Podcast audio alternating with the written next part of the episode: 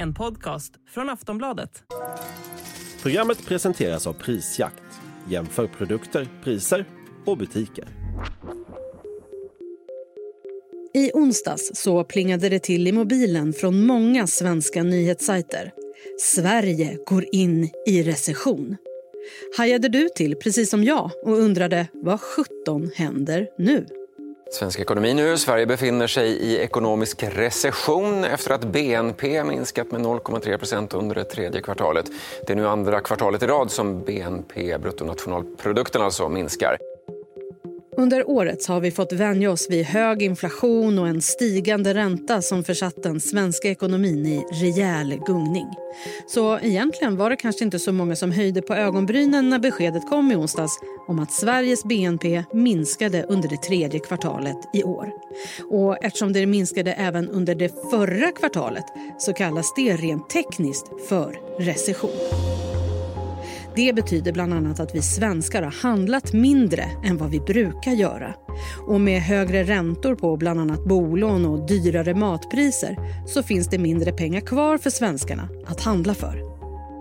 Flera experter har också det senaste året förutspått att vi är på väg in i en lågkonjunktur vilket kan påverka även arbetslösheten i landet. I oktober var 7,4% arbetslösa i Sverige. En siffra som kan komma att stiga om den svenska ekonomin fortsätter nedåt. I förra veckan så kom Riksbanken med beskedet att de lämnar styrräntan oförändrad vilket fick många att dra en lättnadens suck även om det är på en fortsatt hög nivå med 4 så hur påverkas vi av att vi nu befinner oss i recession? Vad måste vi vanliga svenskar tänka på? Och när kan svensk ekonomi vara positiv igen? Ja, det här snackar vi om i dagens Aftonbladet Daily. Jag heter Jenny Ågren.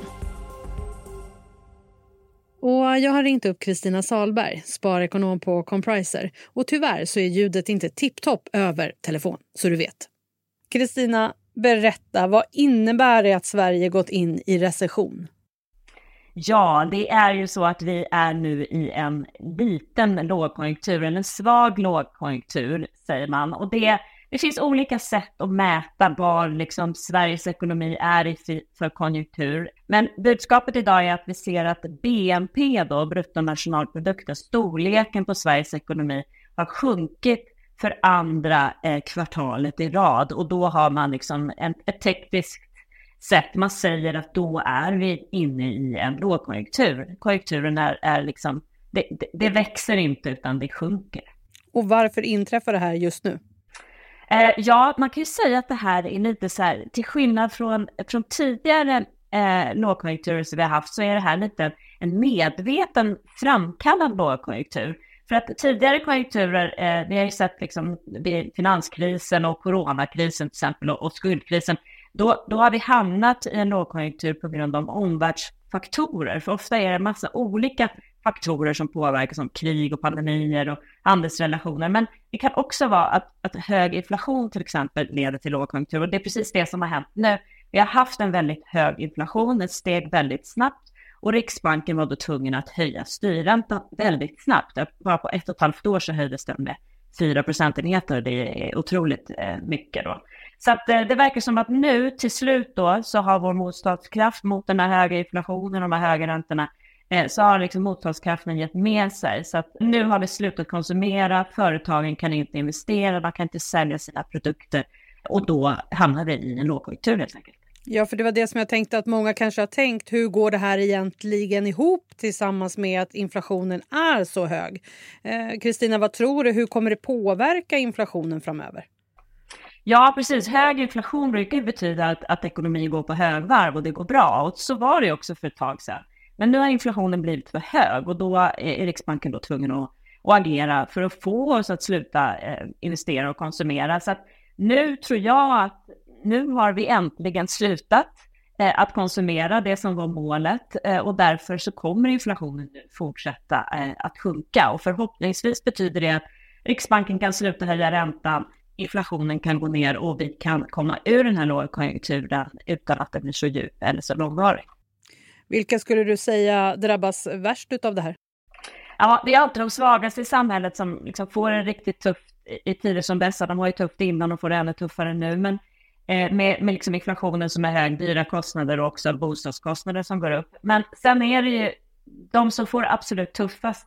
Det är ju så här att vi klarar ju ganska bra av, de flesta av oss, en period med liksom väldigt lite pengar, höga kostnader, vi får dra in på allting, vi tycker inte vi får göra något kul, men vi klarar oss, vi kan bo kvar etc.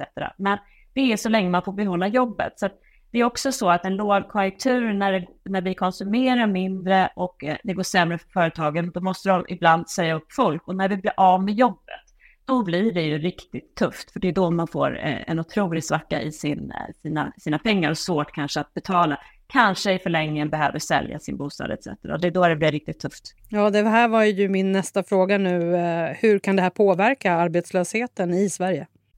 Eh, ja, precis. Eh, vi har redan sett att eh, arbetslösheten var som, som lägst i somras. Då låg den runt 7 procent och det är det lägsta den varit sedan före pandemin.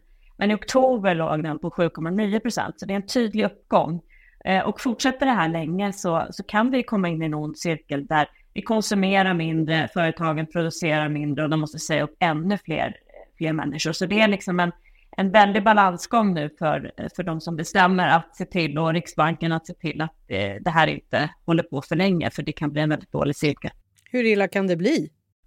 Ja, eh, det, det, det är omöjligt att veta, men i och med att det här är en, en nedgång i ekonomin som vi har försökt få till, som Riksbanken verkligen har försökt få till, så tror jag att vi har mer kapacitet att liksom bromsa den så att den inte blir så kraftig. Det är inte så mycket ut, utanför påverkansgrejer som påverkar oss. Men vi har en väldigt orolig omvärld och eh, eh alltså det kan påverka världsekonomin och då påverkar det oss också. Så det är väldigt svårt att gissa hur, eh, hur illa det kan bli. Men troligtvis kommer det inte bli så illa. Men som sagt, det är utifrån de saker som händer i världen som vi kan se nu. Så att blir det värre så kan det bli värre.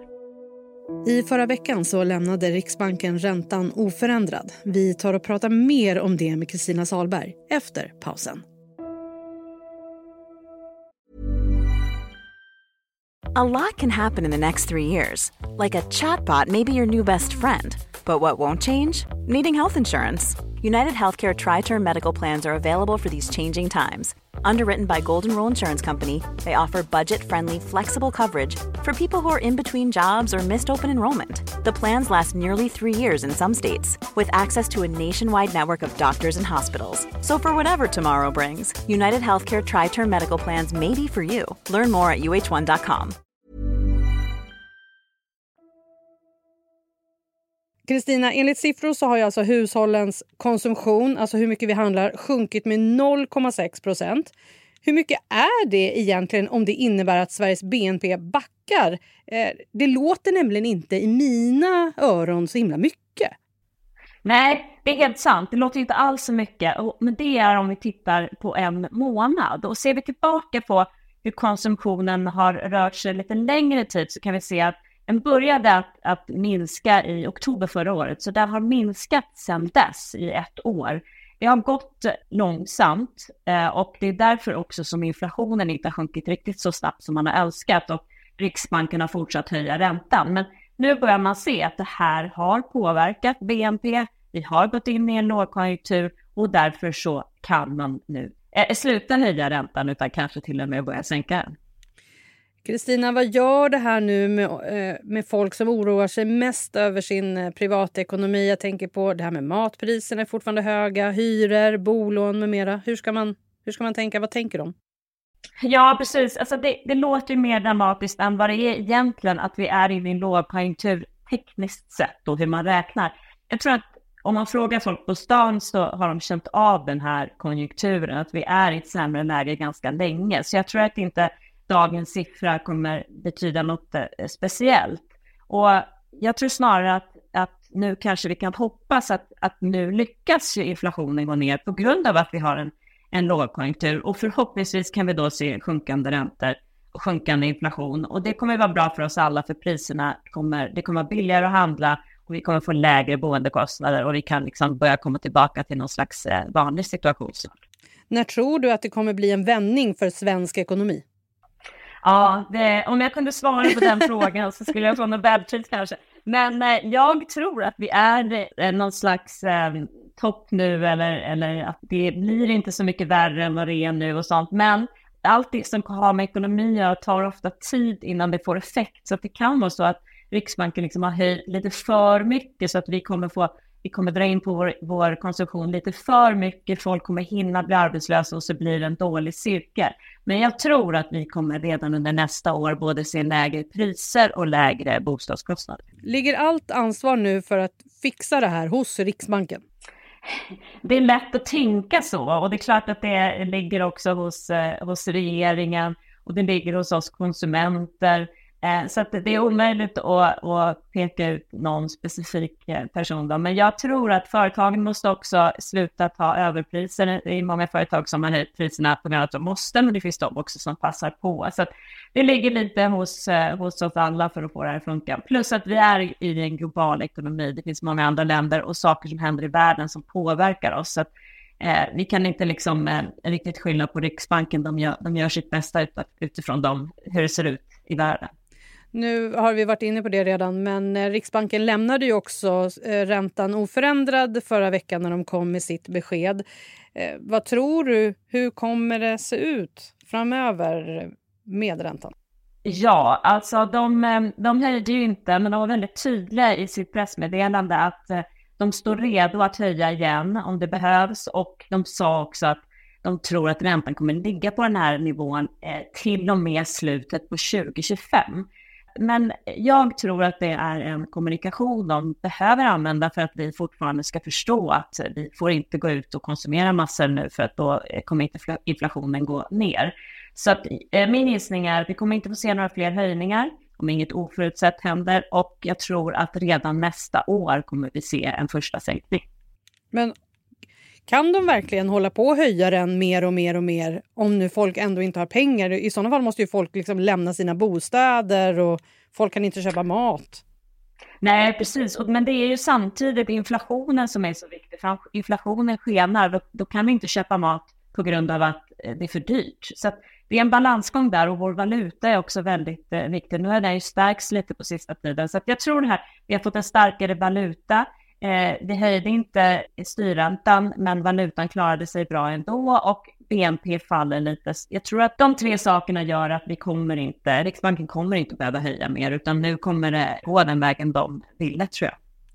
Kristina, alltid när vi har med dig i Daily så pratar ju vi med dig om vad man ska göra i ett tufft ekonomiskt läge. Nu väntar ju julen.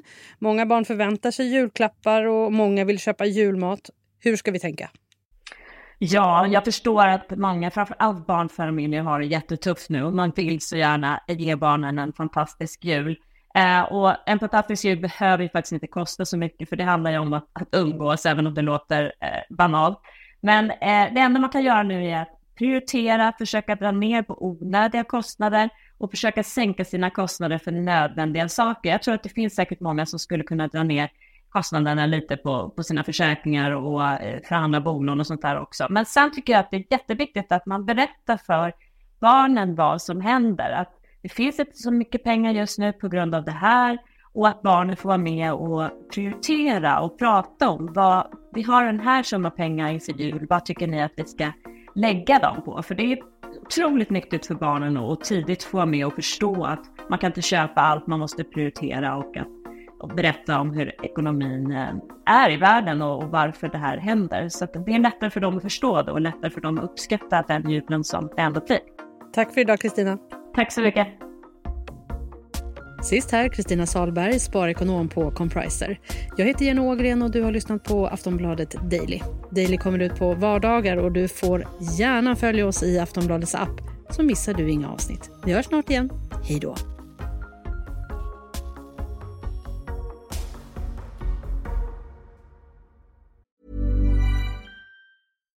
Millions of people have lost weight with personalized plans from Noom. Like Evan, who can't stand salads and still lost 50 pounds. Salads generally for most people are the easy button, right? For me, that wasn't an option. I never really was a salad guy. That's just not who I am. But Noom worked for me. Get your personalized plan today at Noom.com. Real Noom user compensated to provide their story. In four weeks, the typical Noom user can expect to lose one to two pounds per week. Individual results may vary.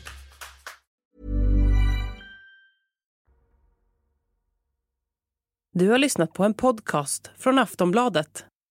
Ansvarig utgivare är Lena K Samuelsson.